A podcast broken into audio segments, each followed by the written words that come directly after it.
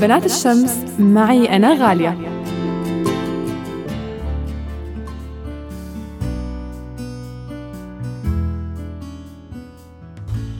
مرحبا فيكم بحلقتنا من بنات الشمس رح نحكي اليوم عن نعمة عمران. أما ليش هي بنت من بنات الشمس؟ فلأسباب كتيرة. بتبلش من صوتها يلي ما كان في له حدود.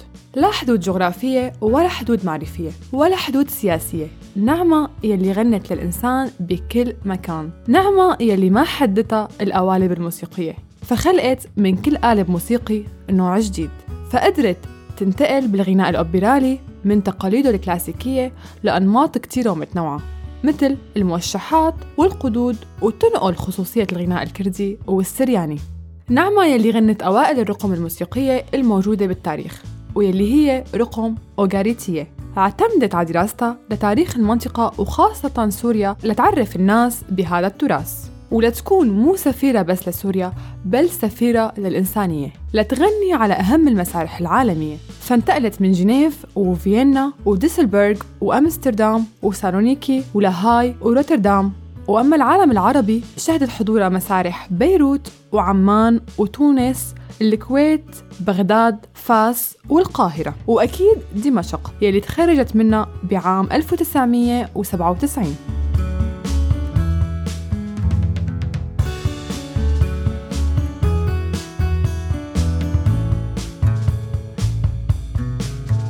كمان كان حضور نعمة كتير واضح بالتأليف الموسيقي بعدد من الأعمال يلي بنذكر منها مسلسل وجوه وأماكن للمخرج هيثم حقي أو فيلم ماء الفضة لمخرجه أسامة محمد.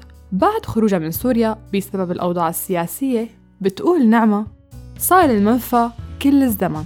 وتابعت رحلتها بالغناء ولأنه صوتها كان أداة تعبيرها من الصغر تابعت فعلها السياسي من خلال تقليد خاص. بتبلش فيه كل حفلاتها بغناء عدد من أسماء المعتقلات والمعتقلين المخطوفات والمخطوفين مثل رزان زيتونة سميرة الخليل وائل حمادة ناظم حمادي عبد العزيز الخير يحيى الشربجي زكي كورديلو وباولو ديلاويلو بتقول نعمة بأحد اللقاءات أراهم قلبي يراهم. أريد أن أخبئهم في المستقبل.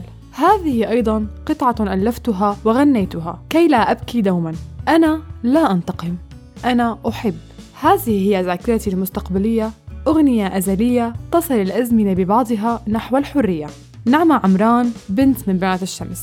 بتذكرنا بحضور الصوت ودور الفنان. بنات الشمس معي أنا غالية.